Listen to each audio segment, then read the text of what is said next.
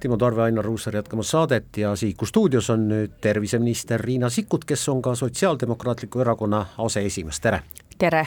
Riina, laupäeval kogunes Tartus sotside volikogu, seadsite sihiks saada suve hakul toimuvatel Euroopa Parlamendi valimistel kaks kohta.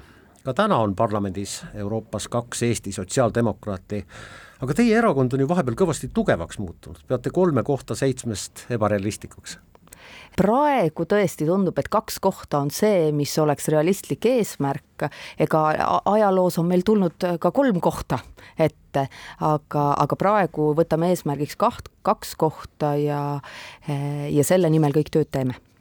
Ilmselgelt on Euroopa Parlamendi valimistel kaks peateemat Euroopa Parlamendis ja Euroopa Liidus lähema viie aasta jooksul ilmselt ka. Julgeolek ja majandus. Või on sotside jaoks veel mõni noh, sama oluline teema, mida Euroopas tuleks üleval hoida kuna Euroopa Liidu neid pädevusi ju tegelikult on palju ja vaatamata sellele, et näiteks tervisepoliitika on iga liikmesriigi enda kujundada, siis minu valdkonnas on väga tähtis ravimiregulatsioon. see, kuidas ravimid Euroopa turule müügiloa saavad, et meie väikese turuna ei ole atraktiivne ja selleks, et kindlustada patsientidele uute ravimite kättesaadavus ja vähendada tarneraskuste riski, on ravimiregulatsiooni üle-euroopaline uuendamine uuendamine ja, ja motiveerimine tootjatele, et nad tuleksid kõigi liikmesriikide turgudele, väga tähtis. nii et noh, lisaks julgeolekule ja majandusele on, ma arvan, igas valdkonnas veel teemasid, kus eh, meil Euroopa Liidu liikmesriigina on võimalik suuremate sammudega edasi astuda kui üksi. millal te kandidaatide nimekirjaga välja tulete? Eh, meil kuupäeva paigas ei ole, millal välja tuleme, aga kinnitame Euroopa Parlamendi kandidaadid, siis üheksa inimest, kes sotsiaaldemokraatide eest äh, kampaaniasse lähevad äh, kuueteistkümnendal märtsil kui meil toimub siis üldkogu Paides, aga eks need nimed saavad varem paika. no nii, terviseminister Riina Sikkut, majandusministeeriumis on valminud plaan kaasajastada viisteist aastat tagasi vastu võetud reklaamiseadus, teile see ei meeldi. eelkõige ei meeldi teile alkoholireklaami piiranguid muutvad sätted hmm.. seletage lahti, mis teile ei meeldi. ja eh, regulatsioone kaasajastada tuleb ikka. noh, näiteks Sotsiaalministeerium kaasajastab rahvatervishoiu seadust, tõepoolest, kirjutame ümber kogu tervikteksti, on vaja termineid muuta, järelevalvet selgemaks teha ja reklaamiseaduses täiesti mõistetavalt on vaja teha sama. aga eh, kaks muret on selle uuendamise protsessiga, et kui koalitsioonileppes me leppisime kokku, et hasartmängu ja kiirlaenu Äh, reklaami me keelustame, siis äh, millegipärast on juhtunud, et MKM-i või Majandus- ja Kommunikatsiooniministeeriumi reklaamiseaduse uuendamise plaanid seda ei hõlma aga ette võetakse paljud teised valdkonnad, kus tegelikult poliitilist soovi kaasajastamiseks pole olnud, sealhulgas alkoholireklaam. et ma tooksin võrdluse, et noh, samamoodi me leppisime kokku koalitsioonileppes abieluvõrdsuse, aga kujutate nüüd ette, et kui välja oleks tulnud seaduseelnõu, kus abieluvõrdsust ei ole, aga kaasajastatakse abiellumisega seotud reeglid, kes avalduse esitab, kuidas siis, kes, kellel on õigus inimesi paari panna, aga tegelikult see poliitiline kokkulepe jääb täitmata. nii et reklaamiseaduse kaasajastamise esimene mure on see, et ta ei sisalda seda poliitilist kokkulepet, mis tehti.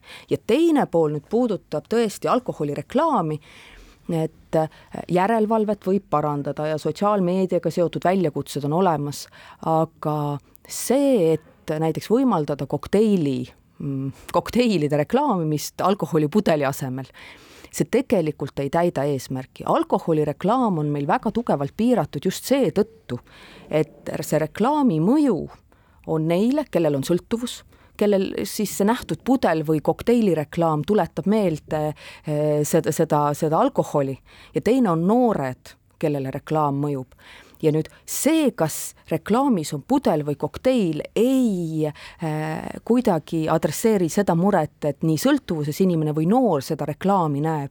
nii et praegu kehtivad piirangud alkoholireklaamile on õigustatud, nende leevendamisega peab olema väga ettevaatlik, põhimõtteliselt võib leevendusi teha, aga kui on sellises mahus alkoholikahjud ühiskonnas, siis tuleb mingite teiste meetmetega neid tarbitavaid koguseid vähendada.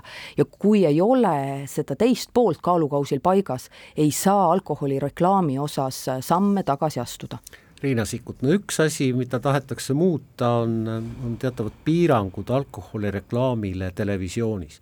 noored televiisorit ei vaata ja joodik magab teleka ees ja ei näe seda reklaami niikuinii, ma arvan, et, et see ei ole see koht, kus äh, vaielda. jah, aga ei ole ka mingisugust põhjust tegelikult seda piirangut maha võtta et äh, sellega samamoodi, ega me nüüd alkoholi tarbimist ei vähenda seeläbi, et me leevendame piiranguid ja suurendame alkoholireklaami nähtavust.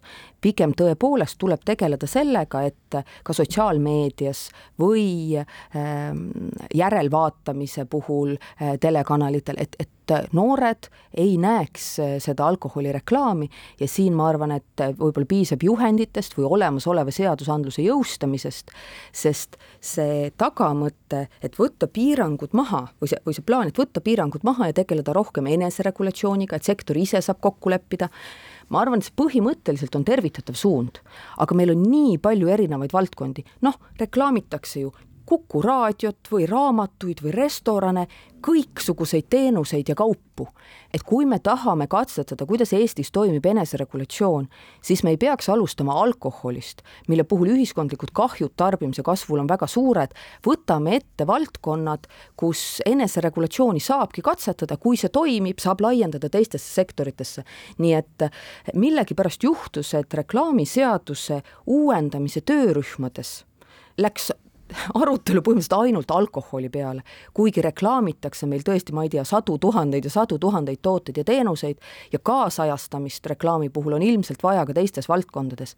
ja kui lugeda töörühma äh, protokolle, siis inimesed, kes töörühmas ei osalenud, lugesid protokolli läbi ja neile jäi mulje, et hakatakse alkoholireklaami piiranguid leevendama. aga see ei olnud töörühma ülesanne, see ei olnud eesmärk, mille suunas nad peaksid liikuma ja nii, nagu ma alustasin, siis nii hasartmängud kui kiirlaen laenud ehk siis koalitsioonileppes väljendatud soov nende reklaami karmistada ei ole tegelikult hõlmatud. Riina Sikkut, olete kindlasti käinud poes nagu enamus inimesi. poeriiulitel on üha rohkem alkoholivabasid alkohoolseid jooke. nüüd ka alkoholivaba džinn ja alkoholivaba rumm, need on tavakaupade vahel, mitte alkoholi osakonnas. kuulge, mida me siin ikka piirame, kui asi niisugune on? Ja alkoholivabasid tooteid ju praegu ka reklaamitakse, et ja. selles, selles mõttes ei, ei, ei, ei olegi midagi, mis, sellepärast ma ütlen, et me saame ka praeguse regulatsiooniga edasi minna. kas see on nagu normaalne, et müüakse alkoholivaba rummi? Mida siis võib mina, mina, mina ei oska öelda. suhkruvabad, rasvavabad, alkoholivabad tooted, kõik, mis on, et eks need inimeste maitse-eelistused on erinevad, aga, aga tõepoolest sortiment on lai ja keeruline on tõmmata nüüd piiri, et, et millisele riiulile mõni kaup kuulub, aga siin ka ma arvan, et tegemist on pigem juhendiga selle kohta, kuidas olemasolevat seadust rakendada, mida saab siis äh, tehnilise järelevalve ja Tarbijakaitseamet näiteks teha, kes reklaamiseaduse üle järelevalvet teeb kas Sotsiaalministeeriumil on mingisugune teadmine, kui palju vähenes suitsetamine pärast seda, kui suitsupakid tuli müügikohtades peita kapi uste taha? vaat ma ei oska peast öelda seda, kui, et kas Te usute, et sellel on mõju? jaa, sest tubaka tarbimine tervikuna on vähenenud. me näeme sugude lõikes noorte puhul, et sugude lõikes see tarbimine ühtlustub, et kui varem olid poisid väga suured või palju suuremad tubakatarvitajad ja alkoholitarvitajad, siis nüüd noorte puhul mustrid, tarbimismustrid ühtlustuvad nii proovimise kui regulaarse tarvitamise suhtes, aga, aga seal ei ole sellist äh, tubaka puhul sellist kasvu, nagu oleks ilmselt siis, kui tubakas oleks odav, reklaamitav ja lihtsasti kättesaadav sotsid ei tule välja ettepanekuga alkoholireklaami üldse keelata sotsiaalmeedias ka? Ei, me ei ole eraldi niimoodi arutanudki, äh, aga praegu me näeme, et äh, tegelikult meie reklaamiseadus alkoholi puhul on olnud rahvusvaheliselt eeskujuks, seda tuuakse positiivse näitena välja ja kaasajastamine ei saa tähenda, tähendada reklaamipiirangute leevendamist olukorras, kus ühiskonnas need alkoholikahjud on nii suured ja meil ei ole ühtegi teistsugust kokkulepet, kuidas nendega toime tulla. suur tänu selle intervjuu eest, terviseminister Riina Sikkut! aitäh!